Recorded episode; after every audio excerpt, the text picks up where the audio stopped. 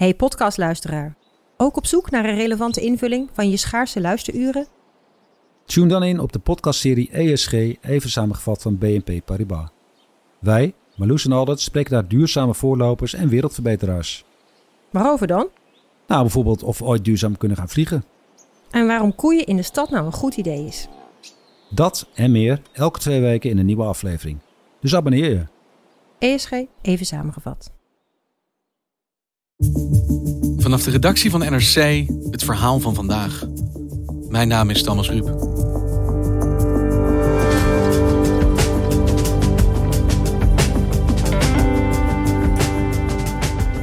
Kijk uit je raam en de wereld lijkt voor het eerst in tijden weer normaal. Cafés, winkels, bioscopen zijn open. Je vrienden boeken vluchten voor vakantie. Maar weg is het virus niet. Veel mensen kampen met vragen, ook onze luisteraars. En medisch redacteur Nicky Korteweg probeert die te beantwoorden. Waar staan we nu? En knuffel je je ouders nu wel of niet?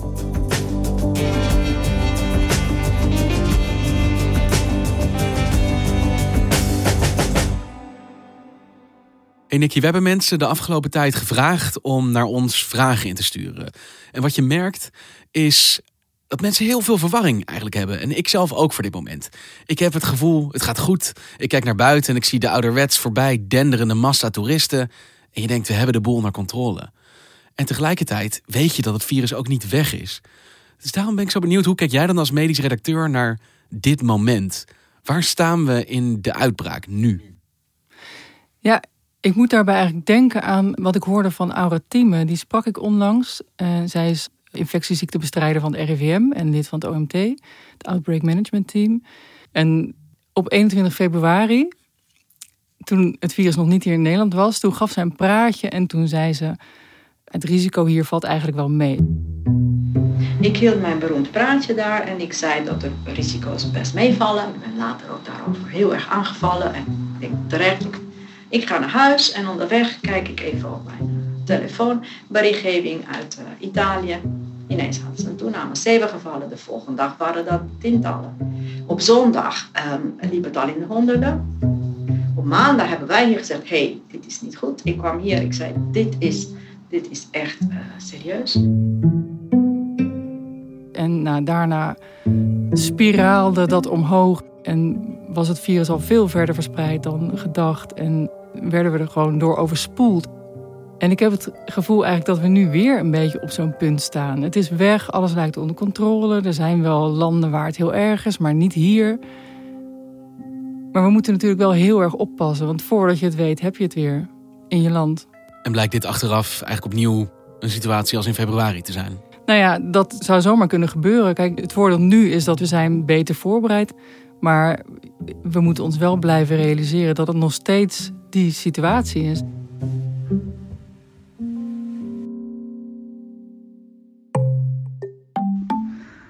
Hallo, mijn naam is Isabel en ik vraag me eigenlijk al sinds de hele coronacrisis af hoe gevaarlijk het is om je ouders te knuffelen. Als je denkt dat je het niet hebt, in ieder geval. En als je verder wel afstand met ze houdt. Maar alleen of die ene knuffel, of dat heel erg gevaarlijk is. Daar ben ik wel benieuwd naar. Ja, dat, dat is een vraag die je nu overal tegenkomt. En ik moet zeggen, ik worstel daar zelf ook mee. Want mijn eigen moeder komt dit weekend over uit Duitsland. Ze woont in Duitsland. En ja, ik zou haar heel graag willen knuffelen. Maar ik weet dat dat niet verstandig is. Want wat doe jij dan als medisch redacteur? Want ik heb het eerder tegen Lucas Brouwers, onze chef wetenschap, gezegd. Ik ga gewoon doen wat jij doet. Ga jij dan nu knuffelen komend weekend? Nou ja, Nee, ik, ik weet dat nog niet of ik dat wel moet doen. Ik hoorde daar wel Anne Vos, uh, lid van het OMT, ook onlangs iets over zeggen bij het corona-fabels en feitenuur. Uh, even snel en ervoor zorg dat je niet niest en, en, niet in elkaars gezicht spuugt. Ja, zonder klachten en even snel zou ik zeggen. Ja, dat kan wel kunnen. Oké. Dan is het risico dat je elkaar toch zou besmetten als je toch het virus bij je draagt, ondanks dat je geen klachten hebt, zou heel klein moeten zijn. Het zijn natuurlijk allemaal risico-inschattingen en afwegingen die je daarbij moet maken. Dus uh, ja, ik, ik uh, weeg dat nog even af in mijn eigen hoofd. We komen er misschien zo nog eh, op terug. Heb jij deze hele aflevering om daar ook tegelijkertijd over na te denken? Ja, Mijn onzekerheid gaat vooral over het zingen. Ik zit in een schoolkoor waarbij we in een aula oefenen. En verder zing ik in de kerk waarbij we nu met vier mensen op enige afstand van elkaar zingen. Maar ik ben er wel onzeker over. Dus wanneer er voldoende duidelijkheid komt over het zingen en een check of de RIVM-aanwijzingen die er nu zijn voldoende zijn of adequaat, dat zal ik wel erg op prijs stellen. Met vriendelijke groet, Wil Bongers in Breda. Ja, nog steeds is het idee dat het virus wordt overgedragen door druppels, hoest- en niesdruppels voornamelijk. Maar die komen ook vrij als je, als je spreekt, als je zingt. En daarmee kan je anderen besmetten. Het punt is dat nog een beetje onduidelijk is hoe die verspreiding nou precies gaat bij koren. In het advies nu staat, je moet ten eerste checken of iedereen gezond is. Dus iedereen die ook maar de minste verkoudheidsklachten heeft, die moet niet komen zingen. Daarnaast moet je anderhalve meter afstand houden van elkaar, liefst in een zigzagformatie. Daarnaast moet je goed ventileren en de ruimte moet voldoende groot zijn. Dus ja, onder die voorwaarden kunnen koren nu weer gaan zingen. Maar de vraag blijft dus een beetje: kun je tijdens het zingen, kan die besmetting dan ook gebeuren via aerosolen, van die hele kleine ademdruppeltjes, zingdruppeltjes, die verder kunnen zweven. Die grote druppels vallen op de grond binnen anderhalve meter, maar er is een, een fractie in die druppelwolk die je uitstoot als je hoest en niest en zingt, die blijft zweven. En het allerlaatste inzicht is een publicatie van het RIVM van uh, deze week. Dat onderzoek laat nu zien dat er wel verschil zit in de hoeveelheid virus die mensen maken en die ze vervolgens uitstoten in die kleine druppeltjes. Normaal gesproken, als jij gewoon een gemiddeld persoon bent, dan maak je zeg 100.000 virusdeeltjes aan. Als je besmet bent. Als je besmet bent per milliliter. En dan is het risico dat jij iemand anders besmet. Als je, net als wij nu, in een niet geventileerde kleine ruimte zitten. Mhm. Dan is dat eh 1% ongeveer. Hebben ze gemodelleerd. Maar als ik een zogeheten super spreader ben. En ik maak veel meer, echt duizend keer meer virusdeeltjes per milliliter. Dan wordt de kans groter dat jij besmet raakt. Als wij in een ongeventileerde ruimte zitten. En dat dan een paar uur lang. De kans dat er dan een druppel zweeft uit mijn druppelwolk die jou uiteindelijk bereikt, die wordt gewoon groter. En nou ja, grofweg lijkt het erop dat 1 op 20 mensen zo'n super uh, shedder is. Dat, dat laat dus ook zien hoe ingewikkeld het is om, om daar eenduidige regels over af te spreken. Want er zijn zoveel variabelen. En ja, het zijn allemaal risico's en kansen die je moet afwegen. Want die studie bij het RIVM, die hebben alleen nog maar gekeken naar hoeveel druppeltjes je dan maakt en wat de kans dan is dat dat jou zou bereiken. Maar ze kunnen nog niks zeggen over of jij dan daadwerkelijk besmet zou worden. Stel, ik maak druppeltjes en ze bereiken jou, zit er dan nog virus in dat jou kan infecteren? Leeft dat nog? Het feit dat ik met jouw virusdeeltjes in contact kan, wil niet zeggen dat ik ook besmet word door die deeltjes. Nee,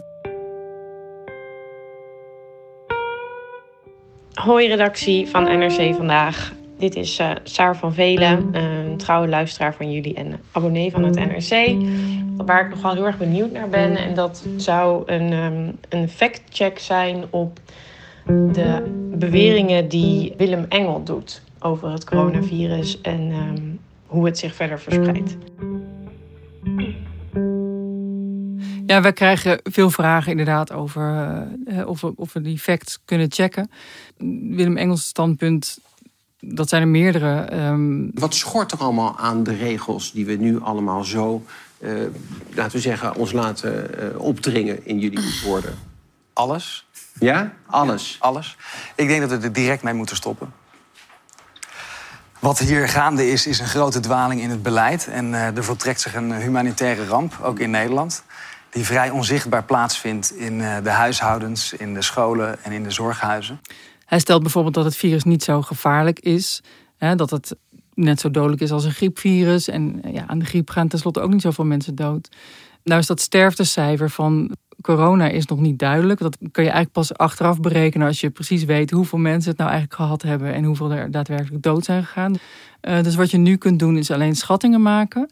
En dat ligt tussen een half en 1 procent nu van de mensen. En dat is natuurlijk niet zo hoog. Dat is vijf tot tien keer hoger dan een griep. Bij griep is het 0,1 procent. Maar tegelijkertijd, iedereen kan dit virus nog krijgen. Iedereen kan besmet raken. Dus een half procent van, van 10 miljoen mensen, dat is nog altijd 500.000 mensen die dan dood zouden gaan. Kijk, uiteindelijk als veel mensen het gehad hebben en niet iedereen ieder jaar weer corona zou krijgen, ja, dan wordt het minder. Dan wordt het effect van die sterfte minder. Maar in deze fase zijn mensen gewoon nog zo gevoelig voor infectie dat het sterftecijfer, zelfs al zou het laag zijn, nog altijd uh, catastrofaal uitpakt. Dus in die zin kun je niet stellen dat dit virus even ongevaarlijk is als een griepje. En zo'n bewering van Willem Engel uh, dat anderhalve meter afstand eigenlijk niet wetenschappelijk onderbouwd kan worden, de zinnigheid daarvan? Zit ja, daar wat in? Er wordt constant gekeken op contact of op druppeltjes. Nou, wat blijkt nu? We hebben alle data nagezocht. Het zijn alleen maar de aerosolen. Mhm. Contact speelt geen enkele rol. Het CDC, dat is het RIVM in de Verenigde Staten, die heeft al aangetoond op hun website contact is weg. Dus stop onmiddellijk met je handen wassen en karretjes doen en zo. Want dat heeft compleet geen... nutteloos. Compleet nutteloos. Dat hangt ook weer een beetje samen met dat verspreiden door de lucht. Zoals ik net zei, klopt het dat onder sommige omstandigheden het zo lijkt dat het misschien ook voor een deel via aerosolen zou kunnen gaan. Maar dat betekent niet dat die anderhalve meter op de schop kan. Want nog steeds, als je die druppelwolk voor je ziet, nog steeds heb je grote druppels en kleine druppels. Nog steeds is het volume van die grote druppels, de hoeveelheid vocht in die grote druppels, is 95% van het geheel. Dus nog steeds is het risico vele malen groter dat je besmet wordt door zo'n dikke druppel dan door zo'n fijn zwevend deeltje. Dus nog steeds is het zo dat als jij binnen anderhalve meter van mij komt te staan en ik ben besmet, dan neemt het risico dat jij besmet wordt enorm toe. Dus die anderhalve meter afstand, wat toch wel een beetje het historische eikpunt gaat worden van deze tijd, denk ik. Dat is nog steeds zinnig. Er is niks voor te zeggen eigenlijk om dat nu op te geven. Eh, vanuit virusoogpunt is het, als je niet wilt dat het virus zich verder verspreidt, dan moeten we gewoon anderhalve meter afstand houden. En dat is tegelijkertijd wat deze discussie zo lastig maakt.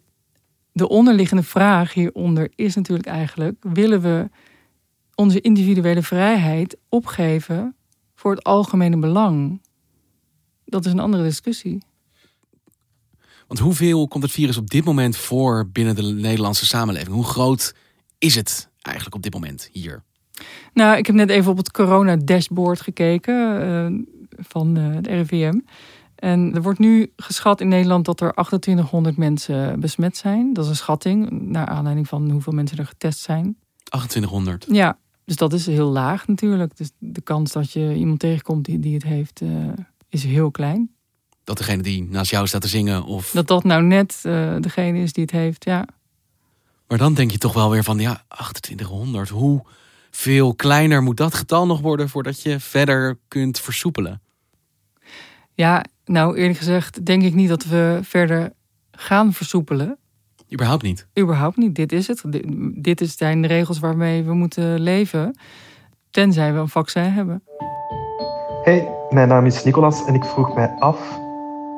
Eens dat er een vaccin is, krijgt dan iedereen een prik en klaar? Komen er inentingscentra? Hoe lang voordat iedereen ingeënt is? Werkt dat meteen? Is er een draaiboek voor?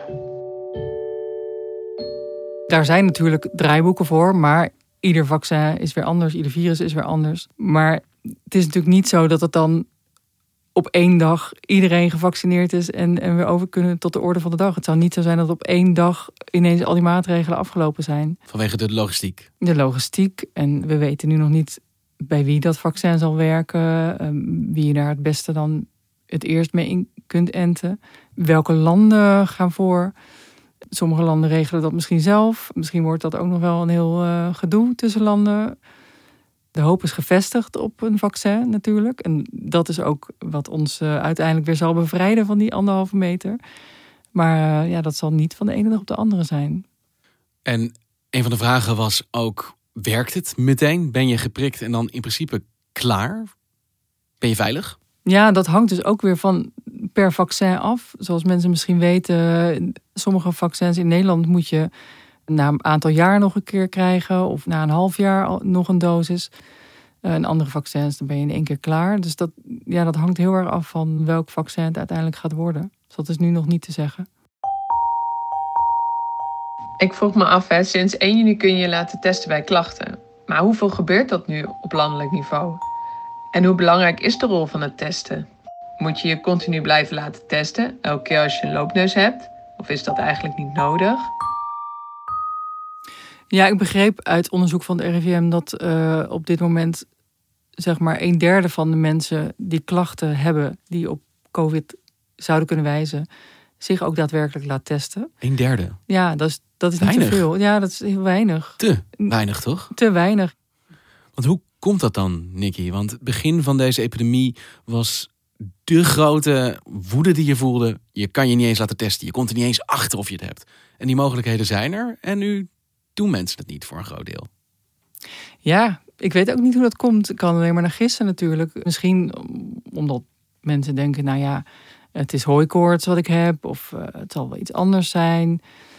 Ik hoop wel dat mensen dat meer gaan doen. En, uh, en vooral in het najaar natuurlijk, als dat virus waarschijnlijk weer wat makkelijker verspreidt tussen ons. Dat dan, dan mensen toch wel echt geneigd zijn om, uh, om zich te laten testen. Steven Frilke. Op een dag is de zomer voorbij en gaan de mensen weer samen naar binnen. Als iedereen waar mogelijk thuis blijft werken, de maatregelen zo soepel blijven als ze nu zijn of nog gaan worden, en het ook nog lukt om veel te testen, hoe aannemelijk is het dan dat we een tweede golf kunnen voorkomen? Ja, dat is een goede vraag. En als je in de machinekamer van het RIVM kijkt, dan zie je ook dat dat zij hebben gekeken naar welke maatregelen nou nodig waren om die R, die, dat reproductiegetal, hè, hoeveel mensen je besmet, onder de 1 te krijgen, zodat het virus niet verder verspreidt. En uh, dat is eigenlijk met, met vrij weinig maatregelen wel uh, te krijgen. Dus zij zijn echt vol vertrouwen dat deze set maat, maatregelen die wij nu hebben, als we ons daar heel goed aan houden, dan zou de kans op een tweede golf of hè, een nieuwe groter aantal besmettingen heel klein blijven. En dat is hier dan de kern, dat dat gedrag blijft zoals het nu is. Ja. Want wat je ziet is dat aanvankelijk er een soort corona-shaming ontstond. Dat mensen die zich eigenlijk niet aan die maatregelen houden, nou, die werden erop aangesproken. En nu hoor je toch ook wel van veel mensen, ook luisteraars, dat dat aan het omdraaien is. Als ik daar dan sta bij de viskraam, die hebben dan allemaal netjes van die stippen staan waar je op kunt staan. Maar niemand, ook er staan heel veel mensen staan tussen die stippen. En eerst werd politiek heel erg verteld, nou, laat jezelf horen. Ook als iemand te dichtbij je staat in een supermarkt. Maar het lijkt alsof niemand dat meer doet, omdat iedereen er een beetje klaar mee is. En ik merk dat ik mezelf meer zo'n zo'n oude zuurpruim voel als ik mensen zeg van, ho, uh, ja, wilt u iets naar achteren gaan? Omdat ik dan best wel vaak gewoon een grote mond terugkrijg, terwijl ik het niet zo bedoel. Dus ik denk dat ik het heel lastig vind om ermee om te gaan. Dat is dan ook tevens mijn vraag. Hoe ga je dan daarmee om? Hoe zorg je ervoor dat je niet de oude zuurpruim wordt als je mensen erop aanspreekt? Ja, dat is ook het allerlastigste, denk ik, in deze hele tijd van versoepelingen. Je, je krijgt gewoon te maken met steeds meer mensen die zich er minder aan houden, of misschien niet altijd aan houden. En ja, ik merk zelf ook in mijn omgeving dat er spanningen ontstaan. Maar het heeft echt zin, nog steeds, om die maatregelen goed vol te houden. Ja, dus je hoeft misschien nog niet met een fluitje in je mond bij de visboer te staan. Maar op het moment dat je ja, toch het sociaal pittig vindt, maar wel doorzet. En wel ja, aan die regels wil houden of dat van iemand anders vraagt. Dan is dat in ieder geval medisch gezien steekhoudend nog steeds. Zeker, dat is zeker steekhoudend, ja. Intuïtief eh, wil je hele andere dingen dan, uh, dan uh, rationeel goed is. Kijk, intuïtief wil ik ook gewoon mijn moeder knuffelen. He- Heel lang, want ik heb haar een half jaar niet gezien. Ik geloof wel dat we nog een, eh, een antwoord van jou te goed hebben. Of ik dat ga doen of niet. Ja, het spijt me. Nou, ik, ik heb geen klachten en mijn moeder ook niet. Dus eh, ik denk dat ik haar wel eh, even een paar seconden vast ga houden met afgewend gezicht. En daarbuiten wel die anderhalve meter. En dan weer gewoon terug op anderhalve meter, ja.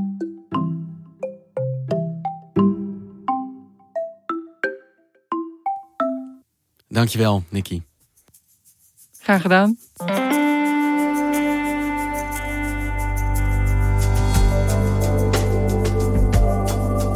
Je naar vandaag, een podcast van NRC. Eén verhaal, elke dag. Dit was vandaag. Morgen weer.